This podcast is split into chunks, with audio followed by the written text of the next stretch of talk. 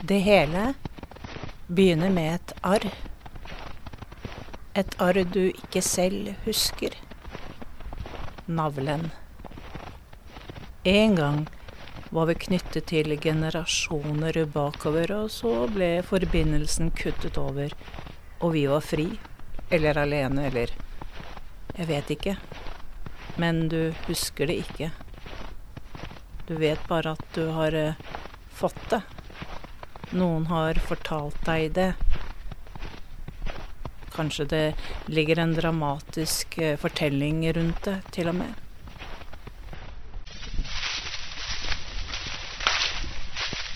Vårt første arr som vi ikke husker. En lang slange som kveilet seg. Det kan jo være at det derfor finnes en del motiver eller bilder i tradisjonelle fortellinger hvor en slange er kveilet rundt halsen.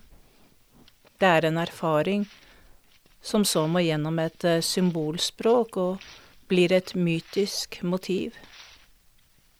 Dypt inni oss, tror jeg, finnes det et arr om slangen. Det er ikke mange fobier jeg har, men huggormer er en av de få. Ikke slanger generelt, men huggormer. Det er et minne som ligger fast i kroppen min. Hele barndommens sommer ble fòret med at jeg måtte frykte huggormen og alltid gå med gummistøvler i høyt gress. Høyt gress, ja. Høyt gress. Denne underliggende frykten er et skrapende arr som kjennes hver gang jeg drar til mitt barndomssted om sommeren, huggormen.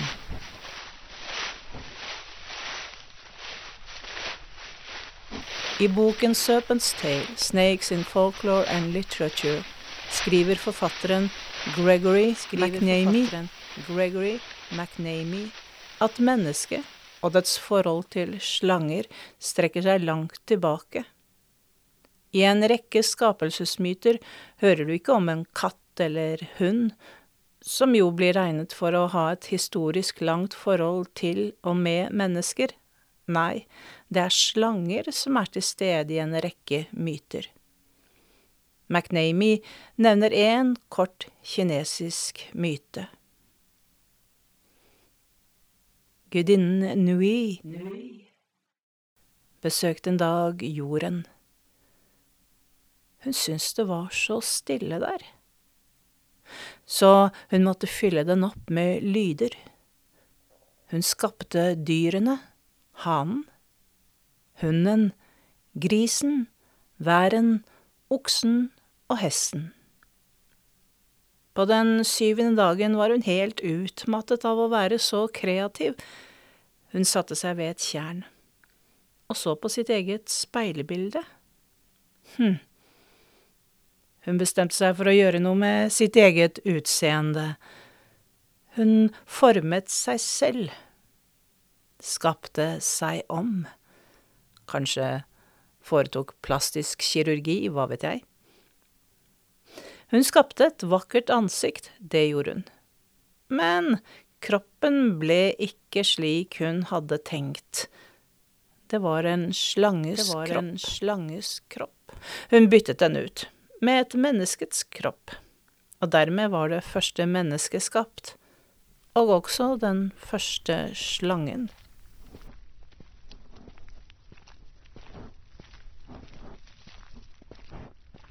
I norrøn mytologi har vi både Midgardsormen, som holder verden sammen ved å sirkle seg rundt jorda og bite seg selv i halen om den noen gang gir slipp, så vil hele verden kollapse, hav vil stige, land vil synke, og du må finne deg et nytt sted å bo.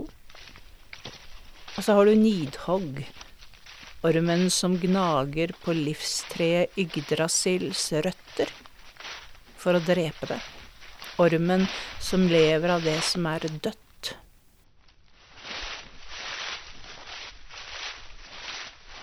McNamee hevder at vår frykt eller fascinasjon for slanger og ormer, skyldes at vi er primater. Det er en genetisk betinget reaksjon vi har mot slanger, eldgamle minner, gjør oss på vakt. Så dypt i oss hvor det minner vi ikke selv har erfart.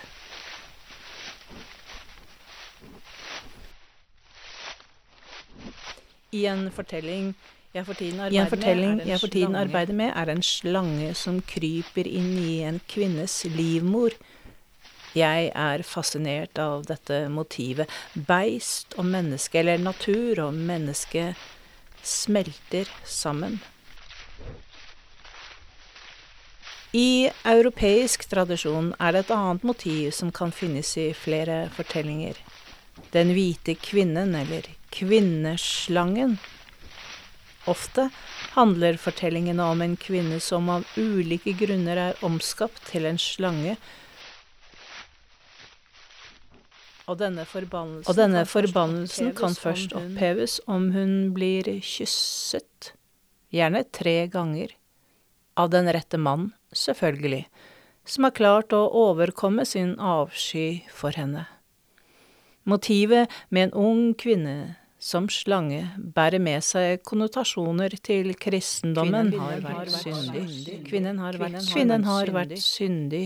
Den kvinnelige hovedkarakteren er ung, og dermed skapes det en kontrast mellom den unge, uskyldsrene og den demoniske slangen. Denne kontrasten forteller kanskje også om det å bli voksen, at man må gjennom perioder hvor man føler seg og oppfører seg som det jeg kan kalle et beist. Jeg kjenner det igjen fra min egen oppvekst, hvor jeg oppførte meg som et monster, spesielt gikk det utover materielle ting og familie.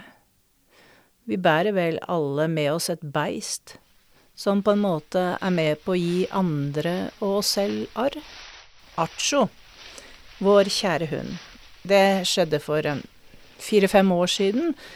Vi var på den øya hvor jeg vokste opp, og jeg slapp Acho, hunden, løs slik at den skulle få lov til å løpe litt i hagen. Lykkelig i medvind løp den, kanskje den var så lykkelig at den ikke merket seg det brå hodet som reiste seg opp fra gresset den løp over. En huggorm. En huggorm på tur, reiste sitt hode opp og var klar til å forsvare seg. Heldigvis merket ikke Artso slangen, for han løp videre. Heldigvis for både slangen, eller ormen, og Artso. Og ormen gled også videre til sitt. Bildet av denne mørke ormen som reiste sin overkropp, har jeg ikke glemt. Det er enkelte situasjoner vi aldri glemmer som er befestet i oss som dype arr, ikke nødvendigvis onde eller gode. De er bare der for å fortelle oss om eh, hvem vi er, og er med på å skape vår identitet. Der ligger han, frarøvet, ut, ut, utropstegn, kjenner han ikke lenger. Bortenfor er borte, bot, t, t.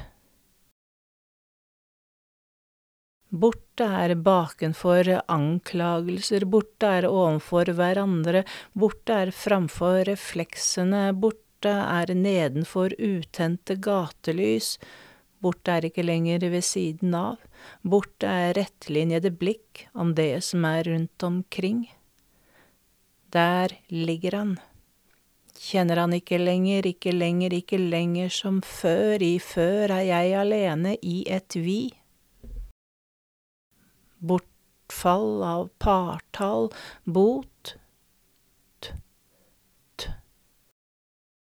Broderte bortforklaringer brummer i tynntarmen, bot, t, t. De to sjeløyde pust og pes. Der ligger han, kjenner han ikke lenger, bot. T, t. Han er botsrøvet.